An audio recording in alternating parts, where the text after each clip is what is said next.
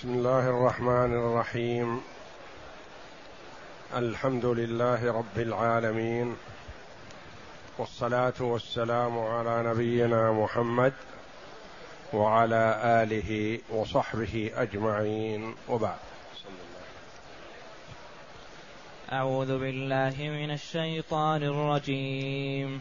بسم الله الرحمن الرحيم.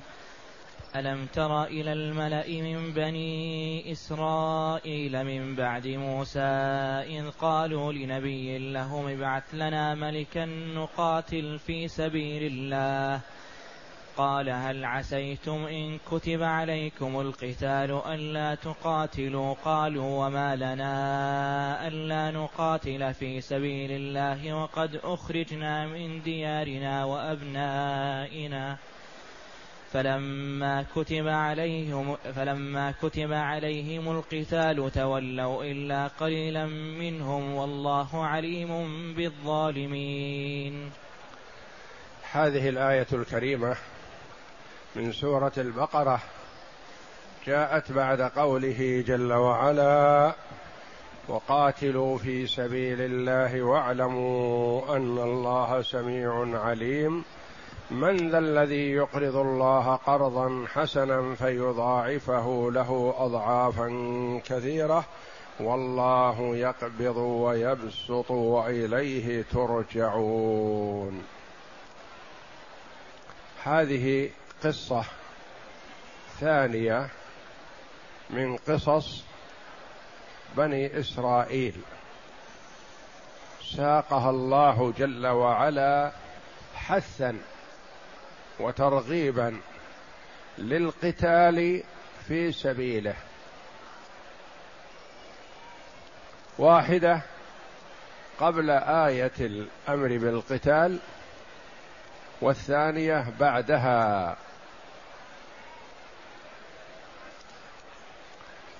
فيه حث لهذه الأمة الا تكون مثل بني إسرائيل. طلبوا أن يفرض عليهم القتال ففرض عليهم فتولوا ولم يقوموا به. ونبينا صلى الله عليه وسلم جاء بأعدل الشرائع وأحكمها وأتقنها وأرأفها. يقول صلى الله عليه وسلم لا تتمنوا لقاء العدو. واسألوا الله العافية. فإذا لقيتموهم فاصبروا واعلموا أن الجنة تحت ظلال السيوف أو كما قال صلى الله عليه وسلم. لا تتمنوا القتال ولا تحرصوا عليه. وإذا لقيتم العدو فاصبروا وتحملوا. وإياكم والفرار والإعراض والتولي فالتولي يوم الزحف من كبائر الذنوب من السبع الموبقات. اجتنبوا السبع الموبقات ومنها التولي يوم الزحف. يقول جل وعلا لمحمد صلى الله عليه وسلم وأمته ألم تر إلى الملأ من بني إسرائيل؟ بنو إسرائيل هم أولاد يعقوب على نبينا وعليه أفضل الصلاة والسلام. ويعقوب هو ابن إسحاق ابن إبراهيم الخليل عليهم الصلاة والسلام. ألم تر إلى الملأ والملأ الكبراء والوجهاء ومن بيدهم الحل والعقد من الملاءه لأنهم أملي أملي ملأ بما يريدونه والملي هو من يستطيع الوفاء والسداد وإذا أحيل أحدكم على مليء فليحتل يقبل الحوالة لأنه يسدده ويعطيه حقه.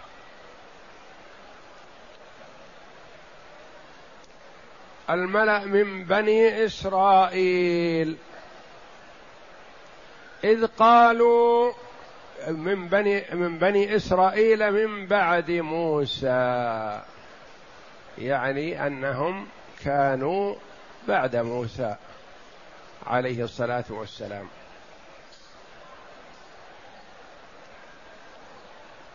هنا يقول جل وعلا من بعد موسى. بعض المفسرين رحمهم الله يقول بعد موسى بكذا قرن بكذا زمن بكذا سنة. الله أعلم بذلك. وجاء أن بين موسى عليه السلام وداود عليه السلام قرابة ألف سنة أو تزيد. وهؤلاء الملأ ذكر الله جل وعلا بعدهم معهم داود آتاه الله الملك والحكمة. فهم بعد موسى بزمن. وجاء عن المفسرين رحمهم الله أن أنه لما توفي موسى على نبينا وعليه أفضل الصلاة والسلام خلفه من بعده ثم توفي من بعده وخلفه آخر.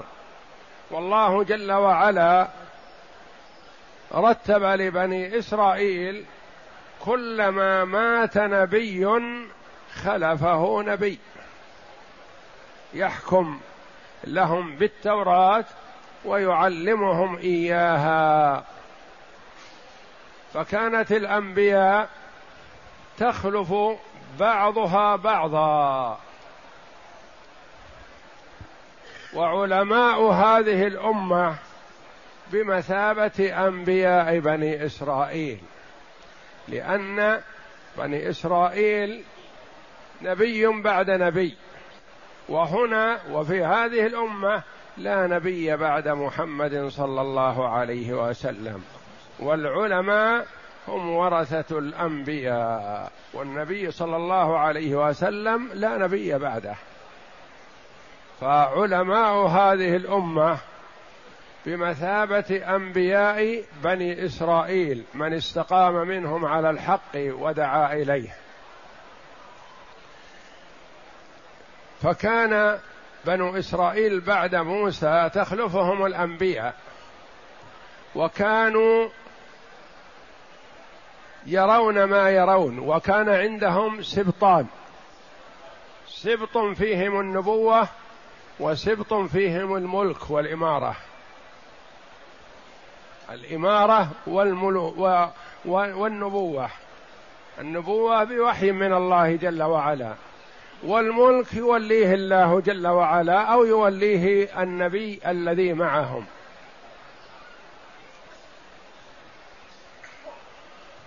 فكانوا الأنبياء عليهم الصلاة والسلام يحكمون لهم بالتوراة ويبينون لهم أحكامها وما فيها ويسيرون بهم سيرة موسى وهارون عليهم الصلاة والسلام. وكان بنو إسرائيل يرون من بعض ملوكهم بعض الشيء فيصبرون. يرون بعد هذا وينكرون. ثم يرون ما يستدعي الإكثار أكثر مما هو معروف. ثم غلب الجهل. ووقعت المعاصي والمخالفات. فسلط الله عليهم أعداءهم فقاتلوهم وسبوا ذراريهم واستلبوا التوراة منهم ولم يوجد عندهم من يحفظها إلا القليل.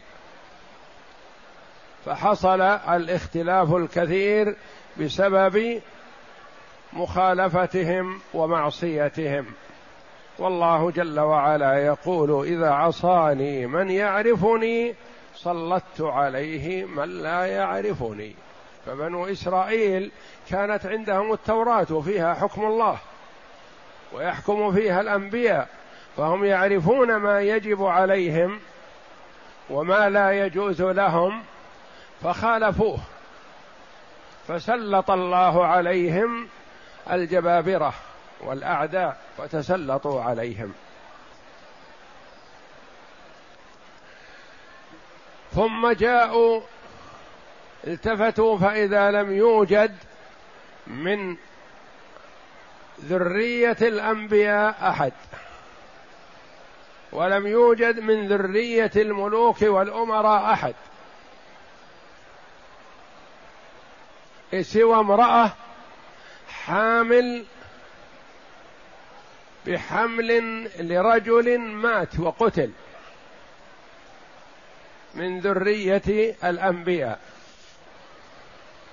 فأخذوا هذه المرأة حفاظا عليها وحبسوها في مكان ما حتى يتأكدوا من جنينها وولدها. وكانت تدعو الله جل وعلا أن يرزقها غلام. لأنه معروف أن النبوة في الأنبياء وليست في النساء. فرزقها الله جل وعلا غلاما فشب ونشأ نشأة حسنة ثم أوحى الله جل وعلا إليه. فجاءه قومه يقولون ابعث لنا ملكا نقاتل في سبيل الله. لأن ذرية الملوك انتهوا. وذرية الأنبياء ما فيها الآن غيره.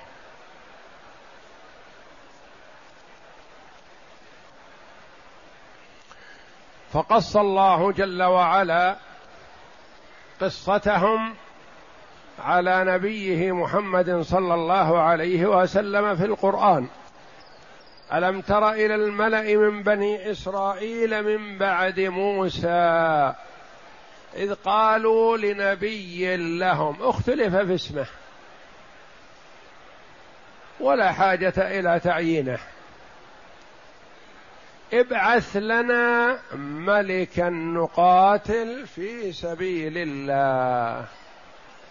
كانوا ما يقاتلون إلا تحت إمرة أمير. وما تصلح يصلح القتال فوضى. يحصل به من الفساد أكثر مما يحصل من الصلاح إذا لم يكن في قيادة وإمامة وإمارة وقيادة حكيمة فإن القتال ضرر. كما هو الحال في بعض البلاد حينما كان القتال منظم محكم بقيادة ينفع الله به في العصور السابقة. ويعتبر جهادا في سبيل الله ما دام القصد لإعلاء كلمة الله. أما إذا ذهبت القيادة الحكيمة وصار الأمر فوضى فالقتال يفسد ويضر ولا خير فيه. ابعث لنا ملكا نقاتل في سبيل الله أدركوا بأنه ما يصلح أن يقاتلوا إلا تحت إمارة. موجهة تجمعهم.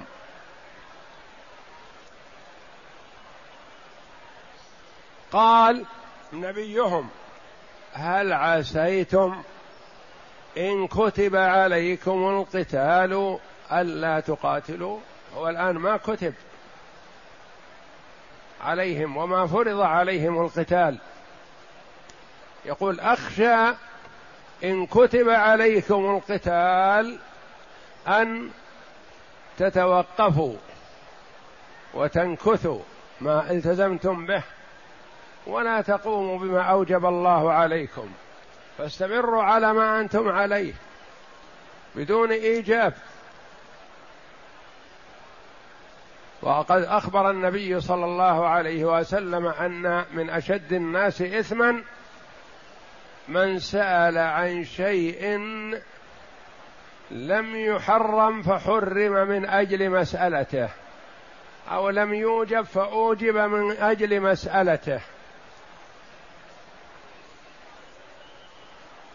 ونهى النبي صلى الله عليه وسلم صحابته رضي الله عنهم فامتثلوا نهاهم عن كثرة السؤال. على خلاف حال بني إسرائيل فهم إذا أمرهم نبيهم بأمر ما واضح كوضوح الشمس أخذوا يسألون على هذا الجواب عدة أسئلة. كما قص الله جل وعلا علينا ذلك في سورة البقرة في قصة البقرة. إن الله يأمركم أن تذبحوا بقرة. جاء أنهم لو استدنوا أي بقرة وذبحوها حصل المقصود لأن الله قال تذبحوا بقرة وذبحوا بقرة والله جل وعلا لا يخلف وعده. فبدأوا يسألون وتعنتوا في هذا حتى لم توجد هذه البقرة إلا عند رجل بار بوالدته. وطلبوها منه بأغلى الأثمان فأبى حتى يملأوا جلدها ذهبا أو كما قيل.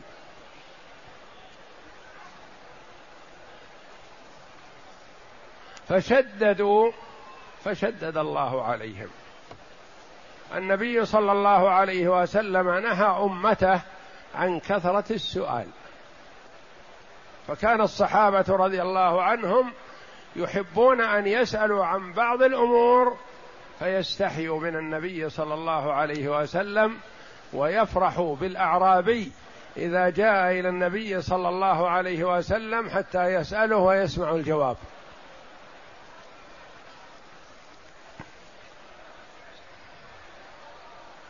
فهؤلاء سألوا نبيهم أن يعين لهم ملك.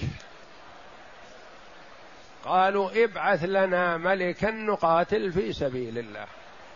يعني عينه ورشحه لنا ونحن نبايعه ونقاتل معه.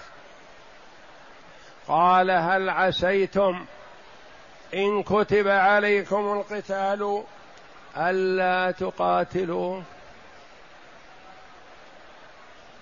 يمكن يفرع عليكم القتال فتتوقفوا وتمتنعوا.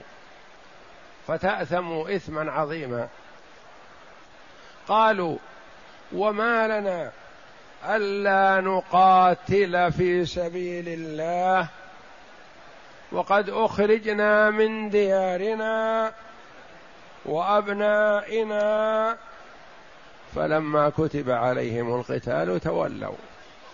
قالوا وما لنا؟ وما أي شيء يمنعنا من القتال؟ لأمور. أولا أنه قتال في سبيل الله.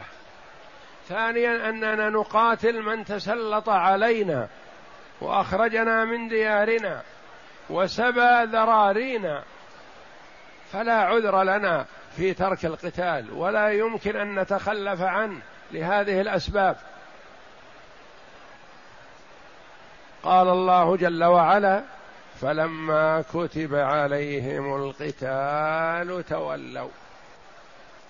حذار أمة محمد صلى الله عليه وسلم أن تكونوا مثل هؤلاء. هم الذين طلبوا فلما كتب عليهم القتال تولوا أعرضوا. وخرج بهم من ملكه الله عليهم كما سيأتينا إن شاء الله خرج بهم جم غفير. جيش عظيم. وكلما مشى تخلف أناس وكلما مشى تخلف أناس. حتى أوجد الله لهم محنة عظيمة بنهر بين أيديهم وهم مروا عليه وهم عطاش. فامتحنهم الله بذلك كما سيأتينا. فما صبروا للمحنة. فلما كتب عليهم القتال تولوا إلا قليلا منهم. قليل من الناس اللي صبروا وثبتوا على الطاعة. وهذه سنة الله في خلقه. أن غالب الناس يكونون على الضلال. والقلة هم الذين على الحق. ولهذا قال القائل وجاء في الحديث لا تغتر بمن هلك كيف هلك ولكن العبرة في من نجا كيف نجا. وجاء قول الله جل وعلا وما أكثر الناس ولو حرست بمؤمنين وقوله جل وعلا وإن تطع أكثر من في الأرض يضلوك عن سبيل الله وقال عليه الصلاة والسلام بعث النار يوم القيامة من كل ألف تسعمائة وتسعة وتسعون وواحد إلى الجنة. فالأكثرية غالبا على الضلال والقلة على الحق. ولهذا ما يجوز للإنسان إذا رأى الناس منهمكين في أمر من الأمور قال هذا حق. الناس كلهم على هذا. هذا ليس بدليل وإنما العبرة بالنجاة والسعادة والسلامة وسلوك الصراط المستقيم. فلما كتب عليهم القتال تولوا إلا قليلا منهم قليل منهم الذين استمروا وثبتوا مع ملكهم وقاتلوا في سبيل الله إلا قليلا منهم. ثم ختم الآية جل وعلا بهذا الاسم العظيم فقال والله عليم بالظالمين. لا تخفى عليه خافية. يعلم من يرغب في القتال في سبيل الله لإعلاء كلمة الله. ويعلم من يرغب في القتال لإظهار شجاعته لكسب الغنيمة. للحمية لغير ذلك من النعرات. ففيها ختم هذه الآية بهذه الختام العظيم ترغيب وترهيب حث وزجر. ترغيب لمن أخلص لله جل وعلا بأن الله عليم به مطيع مطلع عليه. زجر وتخويف لمن أظهر خلاف ما يبطن. والله عليم بالظالمين. يعلم ما في القلوب قبل أن يظهر على الأبدان. وقصص القرآن فيها عبرة لهذه الأمة وتحذير لها من المهالك. وحفز لها ودعوة إليها على الاستقامة على الحق والصبر عليه وذلك أن العاقبة للمتقين. إبراهيم عليه السلام صبر وحده ضد أهل الأرض كلهم عليه الصلاة والسلام. فكانت العاقبة له. إن إبراهيم كان أمة قانتا لله حنيفا وهو واحد. وهكذا الأنبياء والرسل صلوات الله وسلامه عليهم أجمعين يصبرون على ما ينالهم في ذات الله فتكون العاقبة لهم. وأشد الناس كما جاء في الحديث بلاء الأنبياء ثم الأمثل في الأمثل. وكلما كان المرء فيه صلابة في دينه فيبتلى أكثر. ليتميز الصابر من غيره. والله جل وعلا عليم بأحوال عباده قبل أن يخلقهم لكنهم ينالون الثواب بما يمتحنون به لا بما في علم الله جل وعلا. فهو يبتلي العباد وهو يعلم حالهم جل وعلا ليثيبهم على الصبر والبلاء والتحمل وليعاقبهم على الجزاء الجزع والخور والضعف والامتناع عن الامتثال وغير ذلك. فهم لا يعاقبون ولا يثابون إلا على ما يصدر منهم لأن الله جل وعلا عدل يتفضل ويعطي لكن لا يظلم جل وعلا. لا يظلم عبده فيعذبه على ما لم يصدر منه وإنما يعذبه على ما صدر منه وفعله من الإساءة إذا شاء جل وعلا وإذا شاء عفا وتجاوز. والله عليم بالظالمين. ويجب على المؤمن إثبات الصفات والأسماء التي أثبتها الله جل وعلا لنفسه وأثبتها له رسوله صلى الله عليه وسلم من غير تشبيه ولا تمثيل ولا تحريف ولا تعطيل. يكون وسطا بين طائفتين ضالتين. طائفه شبهت فضلت عن الصراط المستقيم. شبهوا صفات الله بصفات خلقه وهذا ضلال. وطائفة عطلت. تزعم أنها نزهت وهي عطلت الله جل وعلا من صفاته. يعني خطر على بالهم التشبيه ففروا منه وقالوا ننفي الصفة اطلاقا لأن إذا أثبتناها شبهنا. فينفونها فعطلوا. ولهذا قال بعض السلف المشبهة يعبدون وثنا. والمعطلة يعبدون عدما وأهل السنة والجماعة يعبدون إلها واحدا أحدا فردا صمدا سبحانه وتعالى. والله عليم بالظالمين. إثبات صفة العلم لله تعالى ولا يشبه بعلم المخلوقين. فالمخلوق يوصف بالعلم والله جل وعلا يوصف بالعلم لكن ليست هذه كهذه ولا هذه كهذه. فعلم الله جل وعلا يليق به يعلم خائنة الأعين وما تخفي الصدور ويعلم ما العباد عاملون قبل أن يخلقهم بخمسين ألف سنة. وعلم المخلوق على قدره يعلم شيء ويغيب عنه أشياء كثيرة. والله عليم بالظالمين.